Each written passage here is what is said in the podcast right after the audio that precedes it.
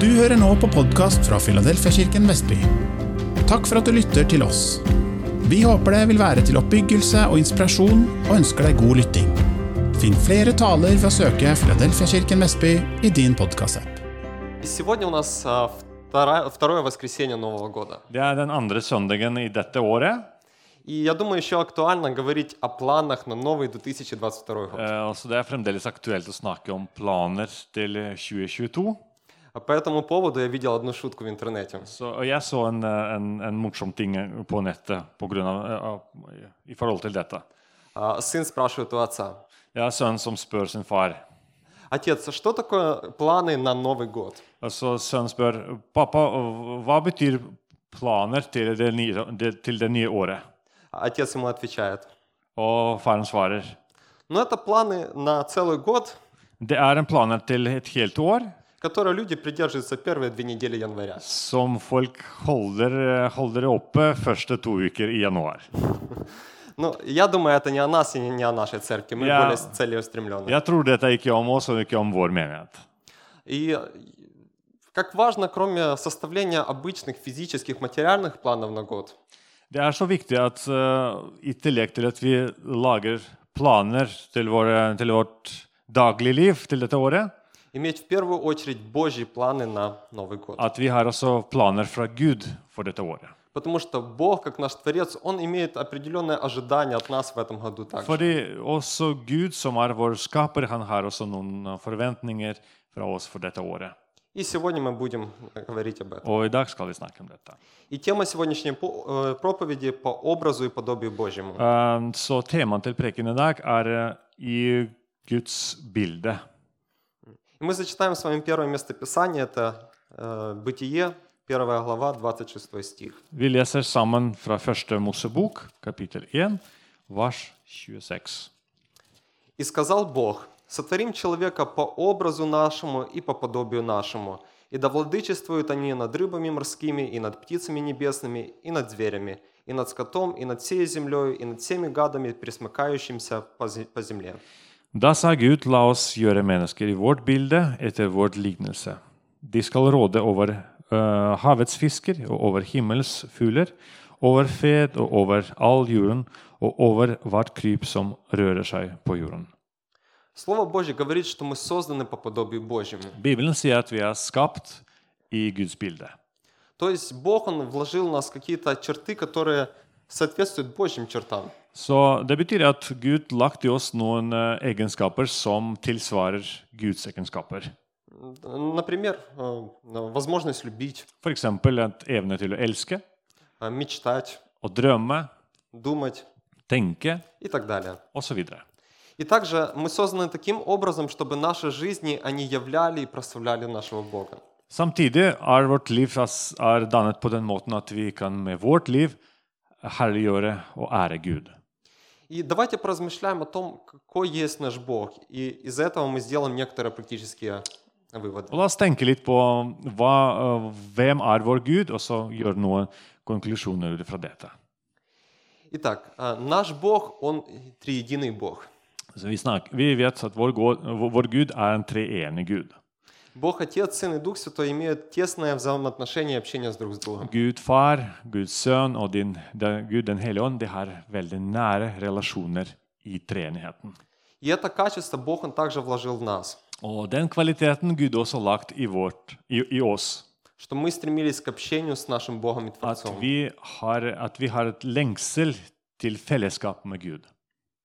И интересно, что даже среди многих народов, которые не поклоняются Богу, они все равно чему-то поклоняются. Eh, Det er interessant at med, til og med i de nasjonene som, eh, eller folkegrupper som ikke tilber Gud, eh, så allikevel så har det et lengsel til å tilbe noe.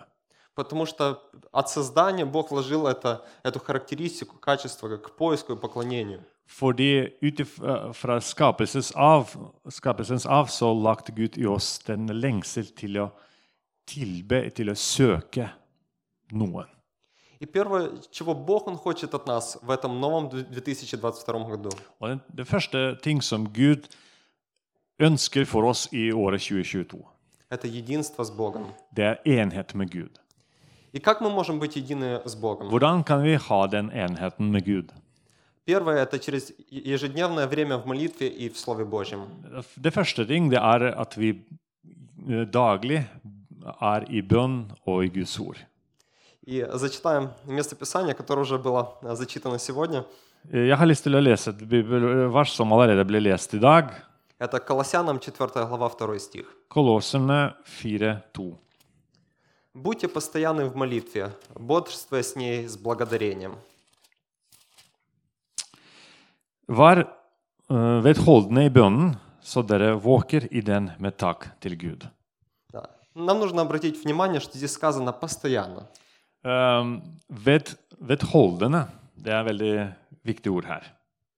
И также а, насчет чтения Слова Божьего сказано в 1 Петре в- во второй главе, в- во втором стихе.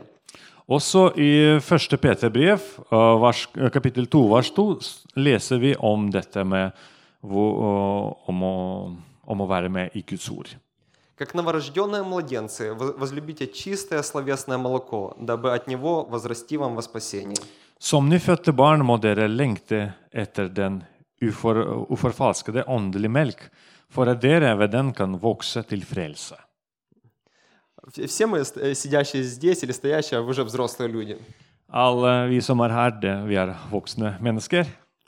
И это говорит о том, что родители нас в детстве хорошо кормили. Det, det, som, det som betyr, og det betyr at eh, når vi var små, så vi fikk nok med mat fra våre foreldre.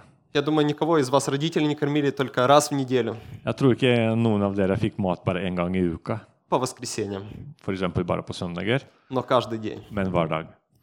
И э, Библия использует этот пример, что как э, младенцы мы также должны питаться от Слова Божьего каждый день. Og så Bibelen bruker dette eksempelet for å, for å fortelle oss at vi skal også spise av Guds ord hver dag.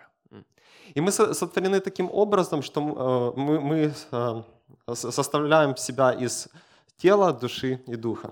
Eh, vi også er skapt på den måten at vi er kropp, sjel og ånden. И наше тело, оно всегда находится в противостоянии нашему духу. Og det er ofte at vår kropp, eller vår kjødet, som vi også arvet, det også går ofte mot den ånden som vi har i oss. Есть очень хороший пример по этому поводу. Det er et interessant eksempel som fins. А, э, Сынок, э, э, внук спрашивает у дедушки, Det også var en, en, eh, en, en et barnebarn som spør sin bestefar «А, я я слышал, что в нас э, живет, э, внутри нас живет два волка. Ja, Han sier jeg hørte at det, det finnes to ulver som bor i hver enkelt av oss. А, э, Белый и черный. En svart ulv og en hvit ulv. И они постоянно дерутся. Og at de kjemper med hverandre hele tida. И он спрашивает, так какой из них победит? Og ja, og så Hvilken ulv tror du bestefar kommer til å vinne til slutt? И дедушка ему отвечает, Og bestefaren svarer тот, ко- которого ты кормишь. den som du gir mat til. Да Также и, и с нами мы можем использовать этот пример. То, что мы будем кормить, будет одерживать победу. Det samme kan vi si også om oss sjøl. Det vi kommer til å gi mat til, det kommer til å vinne. И также Библия говорит, что наше сердце, оно подобно резервуару. Bibelen sier at vårt hjerte det er så ligner på en um, tønne. Et kar. Takk, kanskje.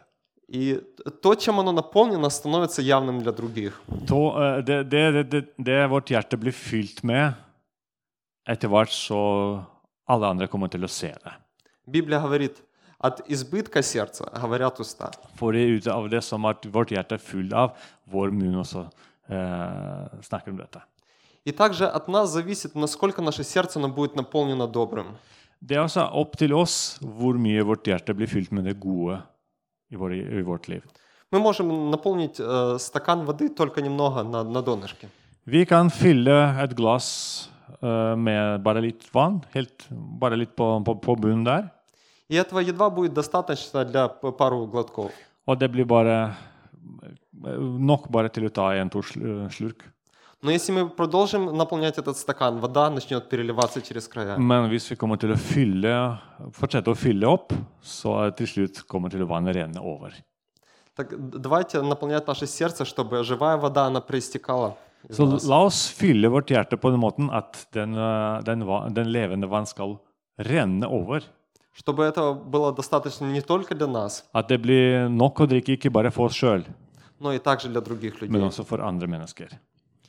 И какие практические выводы мы мо- можем сделать из этого? Så hva slags praktiske konklusjoner vi kan gjøre ut- ut ifra dette?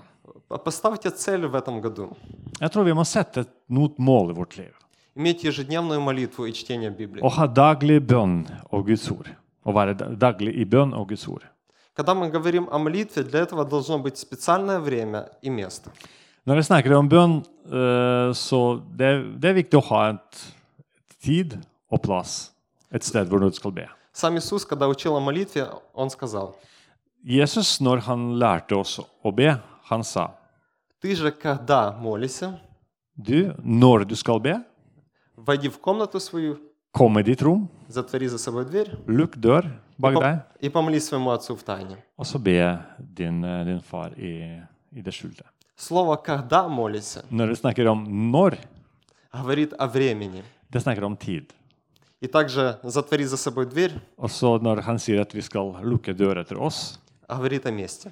det sier at vi skal ha vår plass hvor vi ber. Возможно, кто-то скажет, ну, я молюсь Богу на- по, по пути на работу. Eh, noen kan si ja, ja, jeg ber til Gud når jeg er på vei til jobb, И это хорошее og начало. det er veldig fin start. Но Бог хочет, чтобы мы имели ежедневное время и место с Ним наедине. Men Gud også ønsker at du og jeg skal ha et daglig tid hvor vi er sammen med Gud, То пускай в этом году не придет ни один день, когда вы не помолитесь и не почитаете Слово Så Божье. la dette året bli sånn at det blir ikke én dag når du og jeg vi har ikke lest eller ba- ba til Gud. И также насчет Слова Божьего. Если вы еще ни разу не прочитывали всю Библию, Og så en annen ting. Hvis du aldri lest hele Bibelen fra første Mosebok til siste bok, Åpenbares bok, у вас есть такая возможность в этом nå году. har du denne muligheten i år. И вы будете наполнять свое сердце добрыми вещами. Og da kommer vi til å fylle vårt hjerte med gode saker, med gode ting. И также в свое свободное время старайтесь слушать э, прославления, Når vi har eh, fritid, la oss bruke tid til å høre lovsang. читать книги, Lese noen bøker. делать то, что будет назидать ваш дух. Det som kan oppbygge vår ånd. И увидите, как в этом году ваша жизнь, она переменится. Og da kan vi til å se hvordan livet kan også endres. И жизни вокруг других людей. Og så ikke bare vårt liv, men livet mennesker som er rundt oss. И это первое, через, чем, э, через что мы приближаемся к единству с Богом. Så det er, ting, det er den første ting som, eh, som drar oss nærmere i enhet med Gud. А, Вторая вещь, которая может нас приблизить к Богу, En annen ting som kan hjelpe oss til å komme nærmere Gud, eller å være i ett med Gud, это, это праведная жизнь. det er at når vi lever den rettferdige liv. Мы знаем, что грех – это то, что отделило нас от Бога. Vi vet at synden en gang skilte oss fra Gud. И это по-прежнему то, что может нас отделять от Бога. det er fremdeles ting som kan skille oss fra Guds nærvær i våre tider. Давайте зачитаем первое послание Петра, первая глава, 1. Peter kapittel 1, с 14 по 16 стих. 14, fra vers 14 til 16. «Как послушные дети, не позволяйте управлять собой желанием, живших вас, когда вы еще пребывали в неведении. Но будьте святы во всем, что бы вы ни делали, как свят тот, кто призвал вас, как написано. Будьте святы, потому что я свят». Som lydige barn må dere ikke eh, skikke dere etter det, lys, eh, det lyster som dere før hadde i deres uvitenhet. Men var etter Den hellige ånd som kalte dere, også dere hellige i all deres ferd. For det er skrevet, dere skal være hellige, for jeg er hellig. Все мы согрешили Alle mennesker har syndet, и были отделены от Бога. og vi blir skilt fra Gud. Но Бог, Он сделал нас праведными через Иисуса Христа. Men Gud gjorde oss rettferdige gjennom Jesus Kristus, i Jesus Kristus. И по Его благодати мы были прощены. Og på grunn av Hans nåde ble vi tilgitt. И также Слово Божье говорит, что нам дан доступ к благодати Божьей. Og Bibelen sier at vi har tilgang til Guds nåde i dag. Благодать – это не просто незаслуженная милость, Eh, nåde det er eh, ikke bare den ufortjent miskunn. но также благодать – это сила, которая помогает нам жить правильной жизнью сейчас. Nåden det er også den kraften som hjelper oss til å leve et rettferdig liv i dag. Мы не способны жить правильной жизнью сами по себе. Vi klarer ikke til å leve et rettferdig liv i egen styrke. Я помню, когда еще не, не был верующим, Jeg husker når jeg har ikke vært eh, troende enda, Я хотел избавиться от некоторых порочных вещей в своей жизни. så eh, har jeg prøvd å endre noen av mine uvaner. И меня хватало максимум на две недели. Og jeg var flink nok. i- eh, Det var nok på en måte, det holdt i to-tre uker. Потому что во мне самом не было той силы, которая могла превозмочь грех. Fordi jeg hadde ikke den kraft inni meg som kunne vinne over synden. Но сейчас у нас есть доступ к, к этой силе. Men vi har den tilgangen til Guds nåde og til den kraften. И так как мы говорили, что наш, наша плоть, она всегда воюет с нашим духом. Og det vi sagt før, at vår kjøde alltid kjemper med vår ånden. И хоть наш дух возрожден, но мы все еще живем в этом теле. Og selv om vår ånd er født på ny, vi fremdeles lever i lever, eh, han, Det er fremdeles kjø, eh, kjødet som eksisterer. И также мы живем среди этого порочного мира. der lever vi også i verden som har masse fristelser og synden. Поэтому э, освящение – это процесс, который длится всю жизнь. Derfor helliggjørelsen det er en prosess som går gjennom hele vårt liv.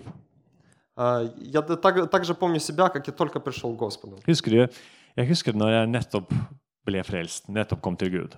И Бог, Он начал работать над моей жизнью. Og Gud begynte arbeide med mitt liv.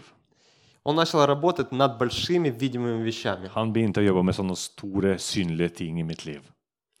Он говорил, как насчет того, чтобы п- перестать пить? Eh, For eksempel eh, begynte Gud å snakke til meg hva, hva om du skulle slutte å drikke?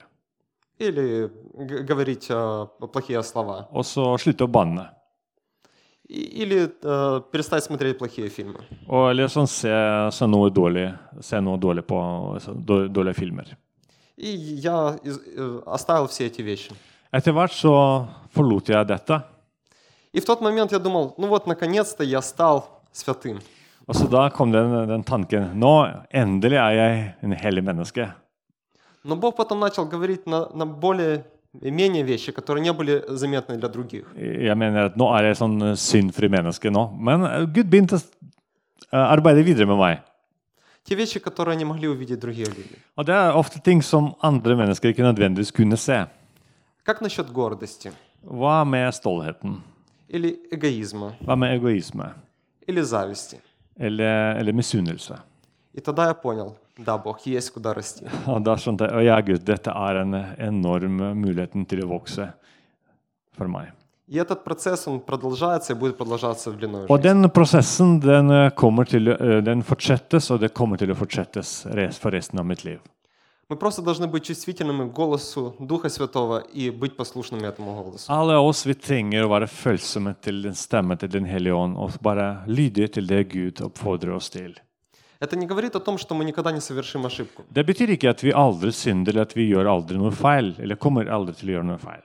Но когда мы ее совершим, нам нужно будет прощение от Бога. Men eh, det bare sier at når vi, når vi synder, så vi trenger Guds tilgivelse. Как сказано в первом, первом послании Иоанна во второй главе, в первом во втором стихе. Første Johan, Johannes brev, eh, Første Johannes eh, brev, kapittel 2, vers 1 og 2. «Дети мои, я пишу вам это, чтобы вы не согрешали. Но если кто из вас согрешит, то у вас есть праведник Иисус Христос, который свидетельствует перед Отцом в нашу защиту. Он умилостивление за наши грехи, и не только за наши, но и за gрехи всего мира». Mine barn, dette skriver jeg til dere for at dere ikke skal synde. Og hvis noen synder, har vi en talsmann hos Faderen, Jesus Kristus, den rettferdige. Og han er en soning for våre synder, og det er ikke bare for våre, men også for hele verdens. For hele verdens. Это с- с- место есть ободрением для нас, Dette er en oppmuntring til oss. что Бог, Он прощает наши ошибки. At Gud tilgir våre feiltrinn. Но это не говорит о том, что мы можем жить в ошибках постоянно. Det betyr ikke at vi, det er tillatt at vi skal leve eller så ta disse feiltrinn hele tiden bestandig. At vi kan bare leve sånn. Потому что в следующей главе, в шестом стихе сказано, For neste kapittel, vers 6, sier «Кто живет в нем, тот не- не любит грешить, а кто грешит, тот значит не видел его и не познал его». Hver den som blir i Han, synder ikke. Hver den som synder, har ikke sett ham eller kjent ham. Если мы э, любим грех, то мы не познали Бога. Eh, hvis vi elsker eller er glad i synden, da betyr det at vi mangler noe kunnskap eller eh, kjennskap om Gud. Потому что вся воля Божья была на то, чтобы спасти нас от греха. Fordi all Guds ønske var- for oss var å redde oss fra synden. И Он заплатил большую цену за это. Og han betalte en eh, høy pris for å frelse oss fra den synden. То мы не можем осознанно вновь возвращаться и жить в том, от чего Бог он, э, нас, осво- от чего нас Бог освободил. Derfor, føles den, derfor er det helt feil at vi med fri vilje ønsker å leve i det som Gud frelste oss fra. И также практический вывод из этого. Så er det også en praktisk beslutning ut ifra dette, eller konklusjon ut ifra dette. А, Придите к Богу с молитвой La oss komme til Gud i bønn, и попросите Его исследовать ваше сердце. og så be at han skal ransake vårt hjerte.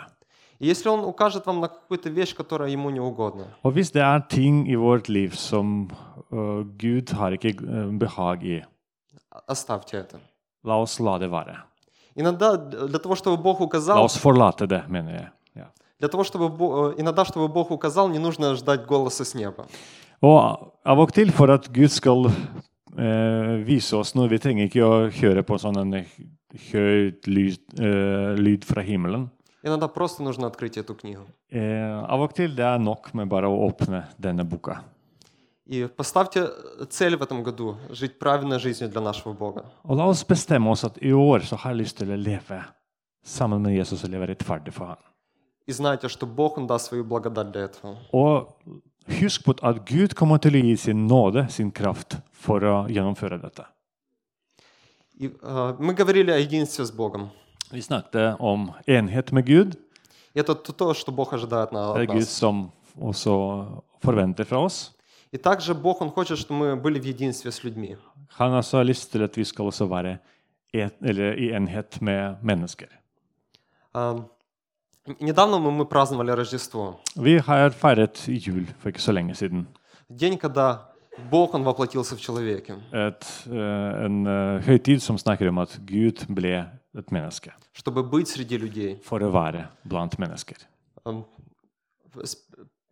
Переживать им. For å føle sammen med oss. И Бог, Он пришел в этот мир, потому что Он лю- любит людей. Og Gud kom til verden fordi han elsker verden. И ради которых Он впоследствии умер на Og кресте. han døde for mennesker til, til slutt. Ч- Часто есть э, п- примеры в фильмах. Eh, Det finnes sånne eksempler i noen filmer А, Показывают одного супергероя, som viser en superhelt который привык все делать в одиночку. som er vant til å gjøre alt alene. Но потом ему дают какое-то новое задание. Men så får han en sånn, et nytt oppdrag, И э, с этим заданием дают напарника. og da får han en, sånn, en medarbeider sammen med den oppdra nytt- dette oppdraget.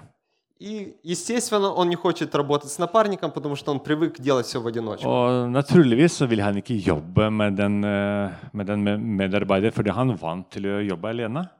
Но впоследствии, в серед- э, под конец фильма, Men når du ser utviklingen i den filmen, этот напарник спасает жизнь нашему супергерою. så ser man at f.eks.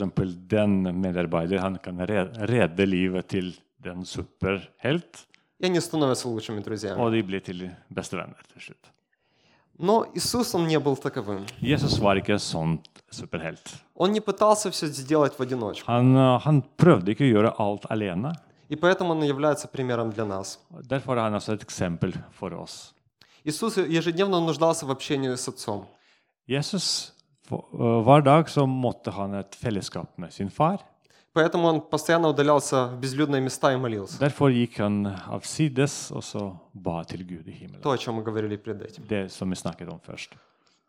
И также, несмотря на то, что Иисус, он был Богом, Og selv om han var Gud, он нуждался в других людях. han også eh, trengte andre mennesker. Он окружил себя другими людьми. Han omringet seg med. У него была семья, Han hadde familie, братья, сестры, brødre, søstre, мама, папа. mamma, stefar. А т- И также у него были его ученики, Han hadde også disipler которые были его друзьями. som var hans venner. И он прожил свою жизнь вместе с ними. Og han levde sitt liv sammen med dem. И что, что Бог ожидает от нас в единстве с людьми? Det Gud også forventer fra oss i enhet med andre mennesker, это единство с церковью. At vi har enhet med hans menighet. В Евангелии от Матфея в 16, э, 16 главе 18 стихе написано. Matteus 16, 18 står det skrevet. «И я говорю тебе, ты, Петр, и на этой скале я построю мою церковь, и врата ада не одолеют ее».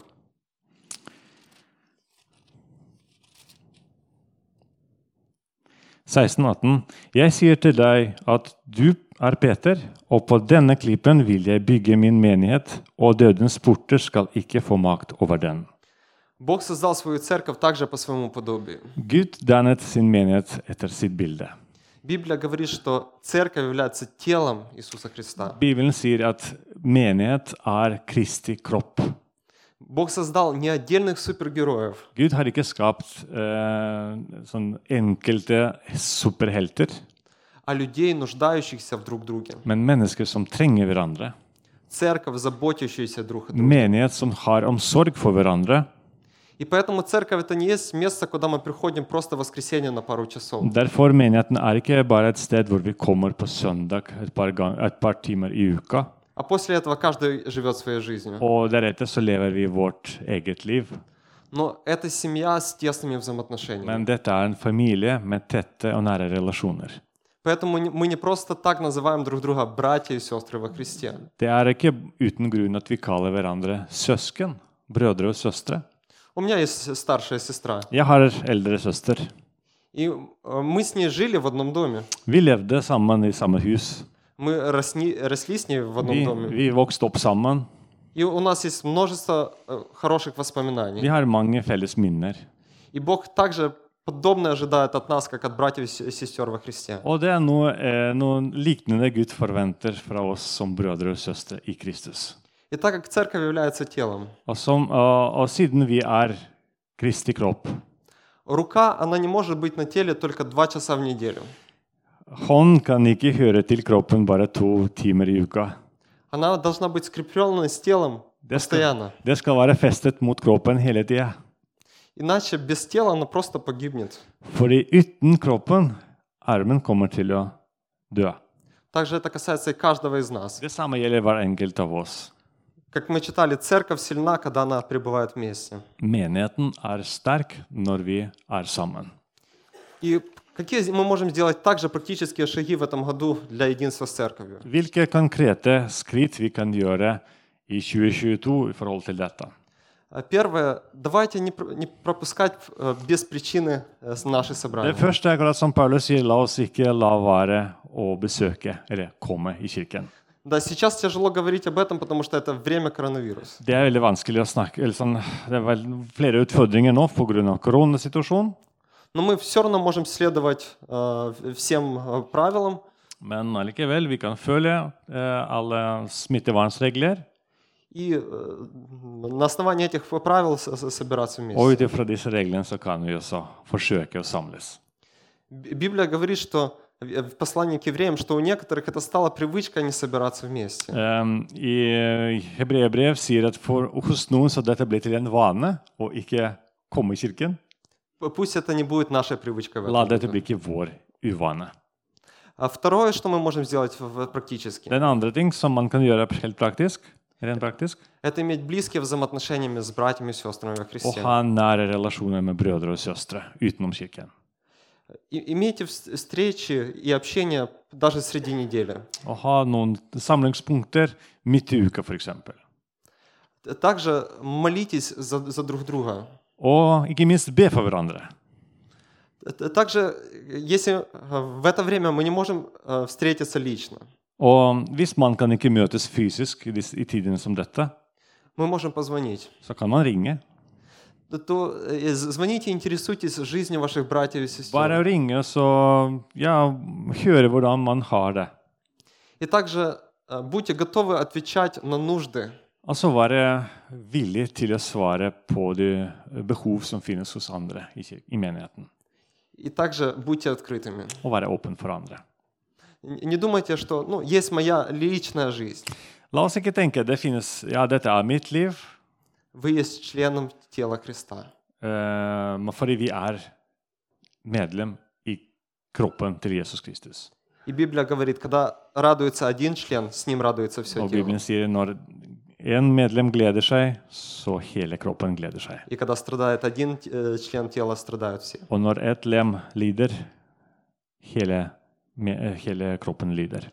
Мы не одни, но мы являемся телом. Vi er ikke eh, separate, vi er ett i Jesus.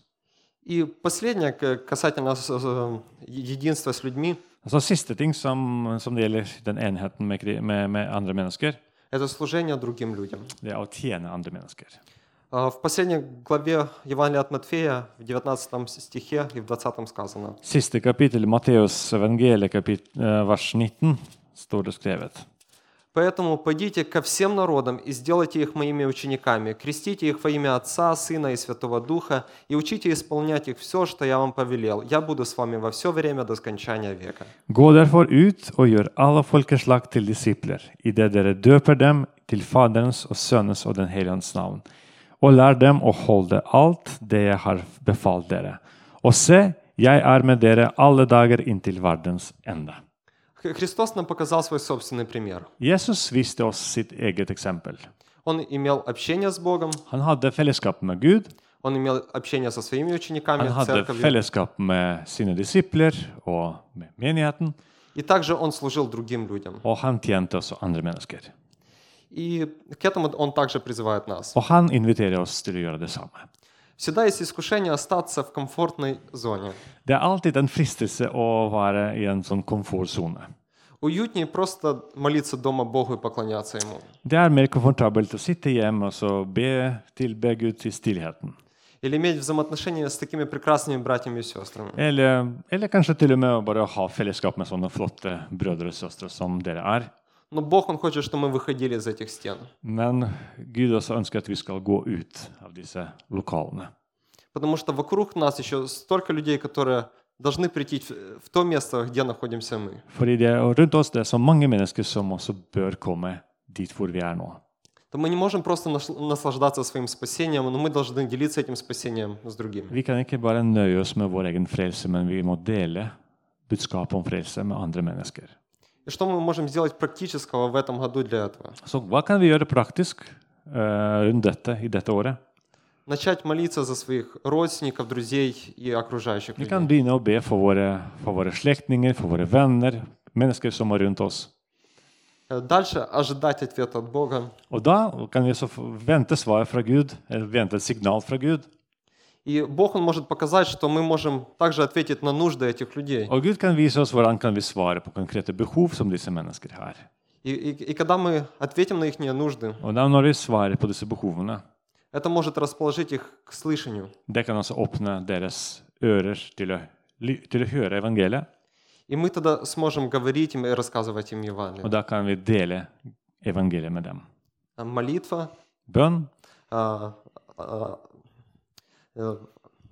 говорить, э, по- помогать на нужды людей, så svare på deres behov. и также делиться Евангелием и просто иногда приглашать людей в церковь. Og innimellom be- bare rett og slett bare invitere folk til møtene. А, э, это звучит все очень просто.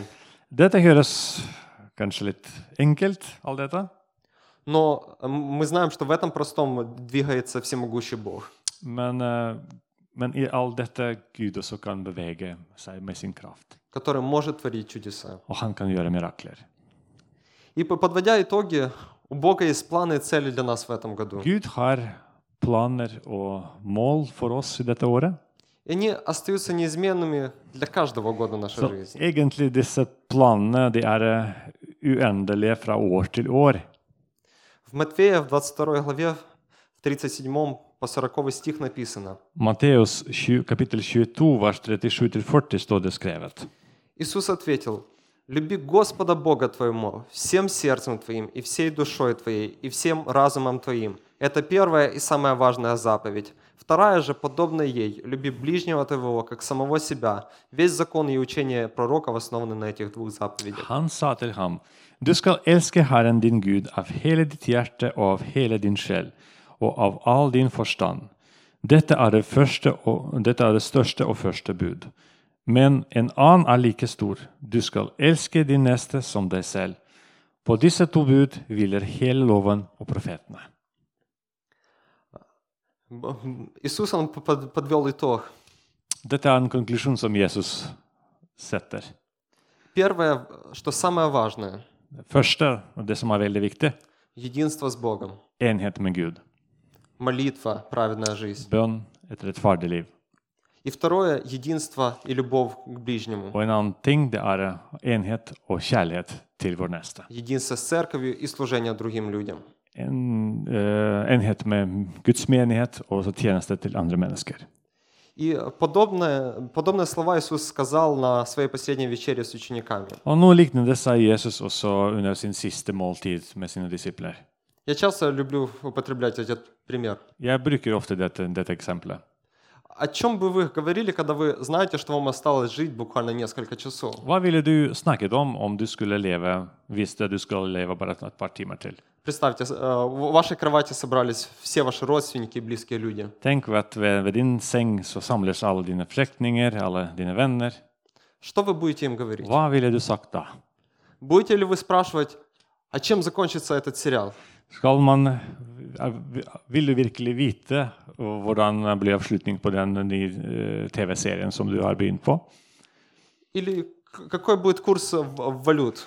Eller hvordan blir sånn, eh, hvor mer eh, valutakurs skal være i morgen? Нет, вы будете говорить о тех вещах, которые важны. Nei, man kommer til å snakke om ting som er viktige. И вы будете использовать этот последний момент. Og du skal komme til å bruke den siste øyeblikk for å si noe viktig. Иисус сделал то же самое. Jesus gjorde akkurat det samme. Когда Он молился, Он сказал, Når han ba, sa han, да будут они едины, la alle skal være ett, как мы едины, som vi er ett. чтобы мир познал, Så at verden kommer til å se что Ты послал меня в мир. at du sendte meg til verden. Самое интересное, здесь Иисус не сказал, пусть мир узнает, что вы мои ученики, если у вас будет красивое здание. Jesus sa ikke at alle skal kjenne at de er mine disipler fordi de har så fine lokaler, Или хорошая группа прославления. eller en god lovsangsteam, Или эпатажный пастырь. eller sånn en, en, eh, en sånn eh, fl- karismatisk pastor. Но Он говорит, когда у вас будет единство с Богом и единство с друг с другом, Men når dere skal ha etthet, et, eh, enhet med Gud og enhet med hverandre, тогда мир узнает, что вы есть мои ученики. da alle kommer til å se at dere er mine disipler. Давайте поставим для себя цели в этом году и работать над этим. La oss jobbe med dette dette året. И тогда э, я желаю каждому из вас, чтобы этот год он был плодотворным для Царства Og jeg Божьего. ønsker til oss alle sammen at dette skal være et fruktbar år for Guds rike. Er du nysgjerrig på Jesus og har lyst til å lære mer? Da er du hjertelig velkommen hos oss i et varmt og inkluderende fellesskap. For møteoversikt, aktiviteter og mye mer, se filadelfiavestby.no.